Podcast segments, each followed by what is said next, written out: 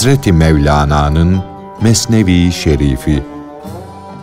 Seslendiren Enes Ergür.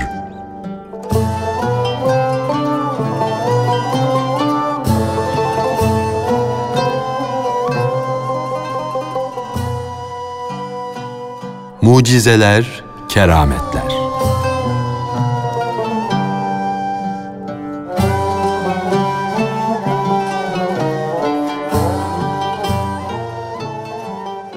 Aziz dostum, her şey görünmez ki.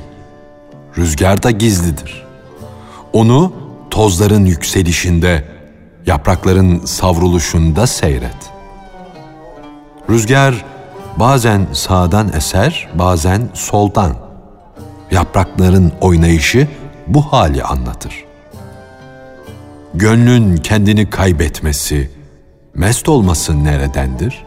Nedendir? Bilmezsin ama onun o halini mahmur gözlerde ara. Hakkın zatından uzaklarda bulunuyorsun ama onun zatının vasfını, kudretini de peygamberlerden ve onların gösterdikleri mucizelerden öğrenebilirsin. Gizli mucizeler, gizli kerametler, gizli manevi güzellikler o tertemiz insanı kamilden gönle akseder. Bu manevi zevkler anlatılamaz ki. Çünkü pirlerin, kamil insanların gönüllerinde hazır yüzlerce kıyamet vardır. En az belirtisi onlara komşu olanları kendinden geçirmeleridir varını, yoğunu kamil bir insanın yanına çekip götüren bahtlı kişiler adeta manen hakkı bulmuş, hakka ulaşmış gibidirler.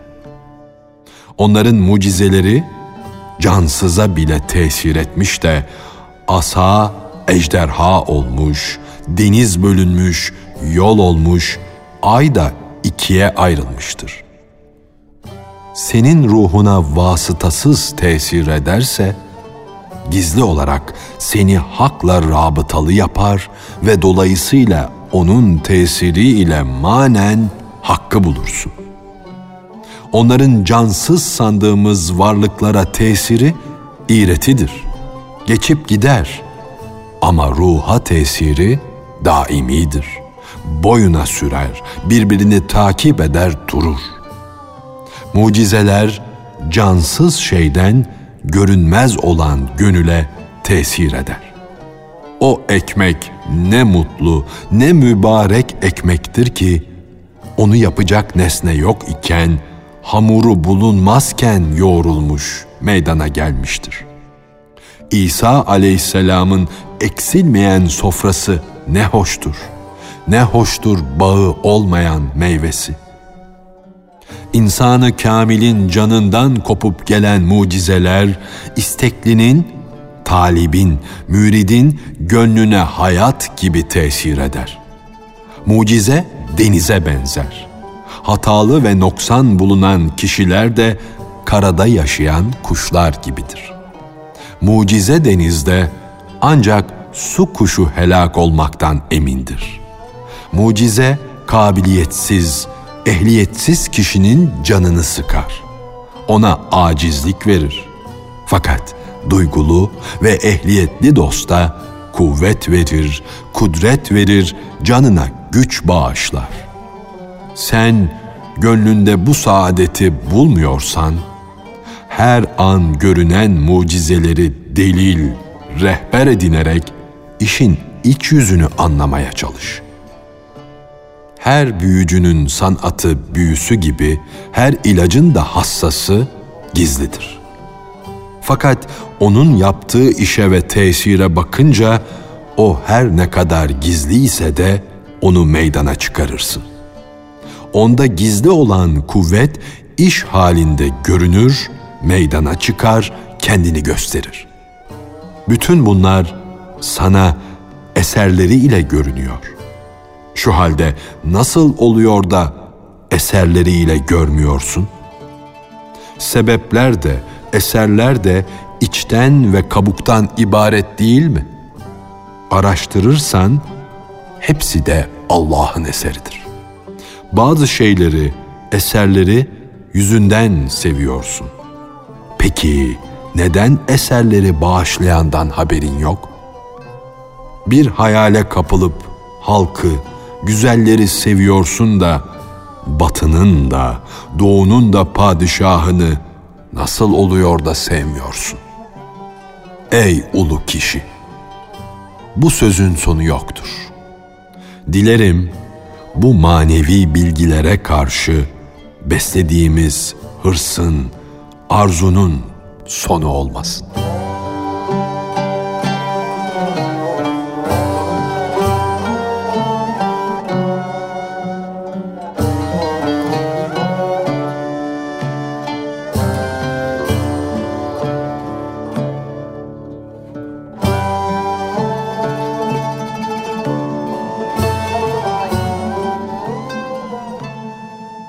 Ey suçsuzun başına vuran kişi!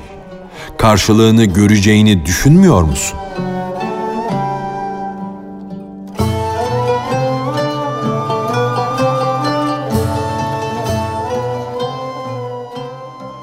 Ey suçsuzların başına vuran kişi! Karşılığını göreceğini, senin de kafana vurulacağını düşünmüyor musun? Nerede sende halilcesine Allah'a tevekkül? Nerede sende kelimdeki keramet? Kılıcın İsmail'i kesmesin. Nil nehrinin dibini ana yol haline getirsin. Bunlar sende var mı? Ey gafil! Sait bir kişi minareden düşse elbisesine rüzgar dolar da parçalanmaktan kurtulur. Sende o baht yok. O tevekkül, o inanca sahip değilsin.'' Ne diye kendini rüzgarın önüne atıyorsun? Bu minareden tepesi üstüne düşen sayısız insanı seyret. Sen ipte oynamayı gerektiği gibi bilemiyorsun. Ayakların olduğuna şükret de yeryüzünde yürü. Kağıttan kanat yaparak dağdan uçmaya kalkışma. Sevda yüzünden nice başlar gitti.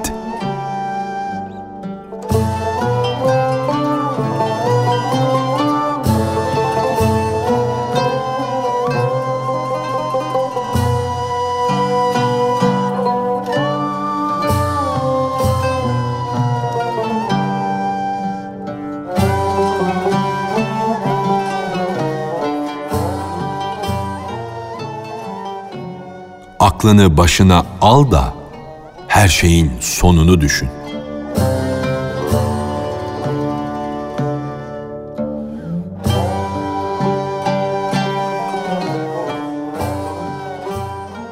Tuzağı gören kişi ilk adımda durur. Yeme kapılmaz. İşin sonunu gören gözler ne mutlu gözlerdir. Onlar bedenlerin çürüyüp dağılmasını seyreder dururlar. Hz. Muhammed'in gözü de sonu görmüş, daha bu dünyadayken her yönüyle cehennemi görmüş, inceden inceye seyretmişti. O mübarek, o eşsiz peygamber arşı, kürsiyi, cennetleri gördü de gaflet perdelerini yırttı. Gafletten kurtulmak istiyorsan, işin önüne bakma, sonuna bak. Sonuna bak da bütün yokları var gör. Varları da duygularla hissedilen değersiz şeyler adeta hayal mahsulü olarak bul. Eğer bunu yapamıyorsan hiç olmazsa bu dünyada aklı olan herkesin gece gündüz yoku, yokluğu aradığını gör. Yoksulluğa düşüp de cömertliği kim aramaz? Dükkanlarda kar elde etmeyi kim istemez? Tarlalardan mahsul almak istemeyen çiftçi var mı? Fidanlıklardan kim bir fidan ummaz? Medreselere gidip de bilgi elde etmek istemeyen kim vardır? İbadethanelerde Allah'ın lütfunu, ihsanını niyaz etmeyen bulunur mu?''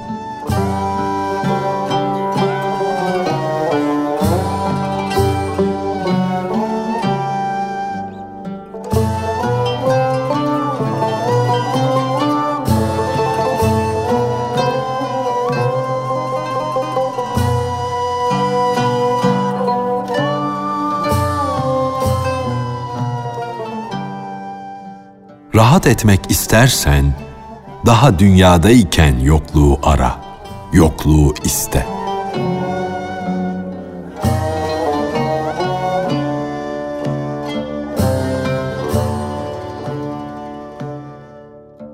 Akıllı kişiler bu dünyada görünen şeyleri, var gibi görünen nesneleri arkalarına atmışlar, vardan yüz çevirmişler, yok olan şeyleri, görünmeyen gerçek varlıkları aramakta ve onlara kul olmaktalar. Çünkü Allah'ın sanatının mahzeni ve kaynağı yokluktan başka yerde görünmez. Biraz önce de bu hususta söz açmıştık. Sen bu sözü de o sözü de bir gör, iki görme. Demiştik ki her sanatın sahibi sanatını göstermek için yokluğu arar.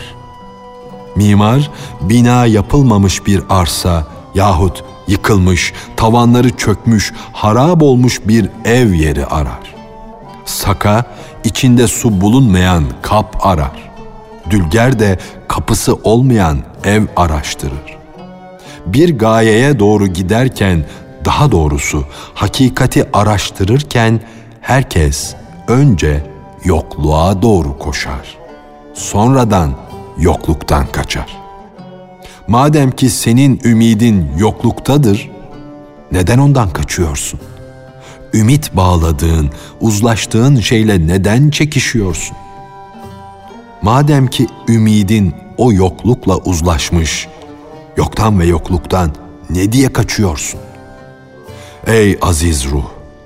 Sen gizlice mana bakımından yoklukla anlaşmadınsa ne diye yokluk pususuna yatmış bekliyorsun? Neyin varsa gönlünü hepsinden çekmişsin de gönül oltanı yokluk denizine atmışsın. Şu halde oltana yüz binlerce av veren şu ümit denizinden ne diye kaçıyorsun? Senin ruhi gıdan olacak, sana hayat bağışlayacak şeye ölüm adını koymuşsun.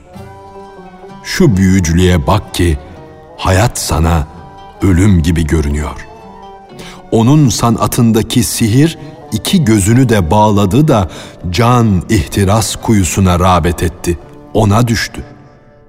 Hak sanatının büyüsü ile yani Allah'ın yarattığı fani güzellerin büyüsü ile bir hayale kapılmışsın da kuyunun dışındaki devayı zehirlerle, yılanlarla dolu sanıyorsun. Bu yüzden zavallı insan felaket kuyusunu sığınacak yer sanmıştır. Sonunda ölüm onu bu kuyuya atar gider.'' Sen şimdi içinde bulunduğun vücuttan, varlıktan kork. Aslında sen bir gölge varlıktan, bir hayalden ibaretsin. O hayalin de hiçbir şey değil. Sen de hiçbir şey değilsin. Ne şaşılacak şey. Hiçbir şeyi olmayan, hiçbir şeyi olmayana aşık olmuş. Hiç var olmayan, hiç var olmayanın yolunu kesmiş.'' Bu hayaller ortadan kalkınca aklının ermediği şeyler sana apaçık görünür. Şu gölge varlığından, benliğinden kurtulunca ne yaparsan, attığın zaman sen atmadın, sırrına erersin, emin olursun.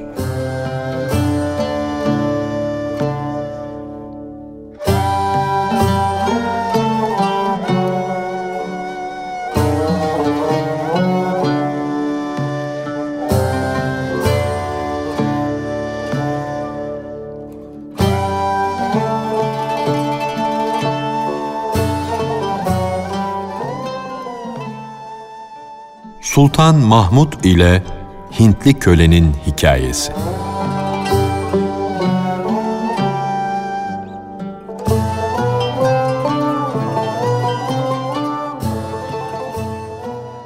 Allah rahmet eylesin. Şeyh Attar Hazretleri Musibetname adlı kitabında Gazi Padişah Gazneli Mahmud'u anarak onun hakkında çok nükteli, çok güzel şeyler yazmıştır. Anlattığına göre o büyük sultana Hint Savaşı'nda elde edilen ganimetten bir köle düşmüştü. Sultan Mahmud o köleyi kendine oğul edindi. Halife yaptı. Tahtına oturttu, orduya kumandan tayin etti. Hasılı o çocuk o güzelim tahtın üstünde o yüce sultanın yanında yer almıştı. O Hintli köle bu lütfa mazhar olduğu halde yana yakıla ağlamakta, gözyaşları dökmekteydi. Sultan Mahmud ona, ''Ey kutlu çocuk'' dedi. ''Neden ağlıyorsun? Elde ettiğin devlet, şeref, büyüklük neden tatsızlaştı? Sen padişahlardan da üstünsün. Padişahlar padişahı ile dost olmuşsun. Aynı tahta oturmuşsun. Sen bir tahtın üstünde oturuyorsun. Vezirler, askerler ay gibi, yıldızlar gibi saf saf olmuş dizilmişler. Çocuk dedi ki, benim yana yana ağlamamın sebebi şu ki, ben kendi yurdumda, kendi şehrimdeyken annem beni her zaman seninle korkuturdu. Seni Arslan Mahmud'un eline düşmüş göreyim derdi. Babam da annemin bu korkutmalarına kızar, bu ne hiddet, bu ne kötü dilek diye söylenirdi. Çocuğuna başka bir beddua bulamıyor musun ki böyle kötü, böyle kahredici dileklerde bulunuyorsun? Hanım, sen pek merhametsizsin, taş yüreklisin. Bu sözlerinle sanki çocuğu yüzlerce kılıçla öldürmedesin diye sızlanırdı. Ben ise annemle babamın bu sözlerine şaşırır kalırdım. Gönlüme bir vehim, bir korku düşerdi. Acaba Sultan Mahmud nasıl cehennem huylu, yakıcı, kırıcı bir adam ki ölümle, belalarla adı anılıyor. Kötülüklere, zulme örnek olarak gösteriliyor. Daima senin korkunla titredim.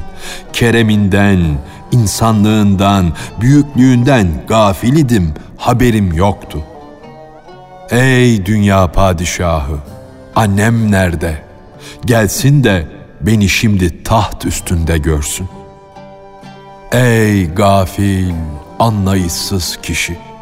Senin fakirliğin, yoksulluğun aslında senin Mahmud'undur. Cismani duyguların seni daima Mahmud ile korkutmaktadır. Sen bu yüce Mahmud'un şefkatini, merhametini bilseydin, işin sonu hayır ola derdin. Ey korkak gönüllü, yokluk, Yoksulluk senin Mahmud'undur. Seni Mahmud'la korkutan, seni doğru yoldan çıkaran anneni, yani senin maddi menfaatini düşünen nefsini pek dinleme. Sen fakirliğe, yoksulluğa av olur, kendini ona kaptırırsan, o Hintli çocuk gibi kıyamet günü sevinç gözyaşları dökersin.'' şu maddi varlığımız, bedenimiz bizi besleyip yetiştirmede anamız gibidir. Fakat bu ana bize yüzlerce düşmandan daha çok düşmandır. Beden hastalanınca seni ilaç aramaya zorlar. Kuvvetlenince de seni şeytanlaştırır.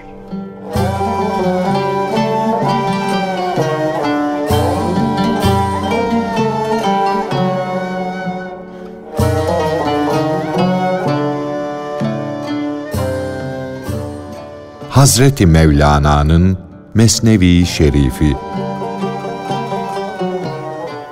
Seslendiren Enes Ergür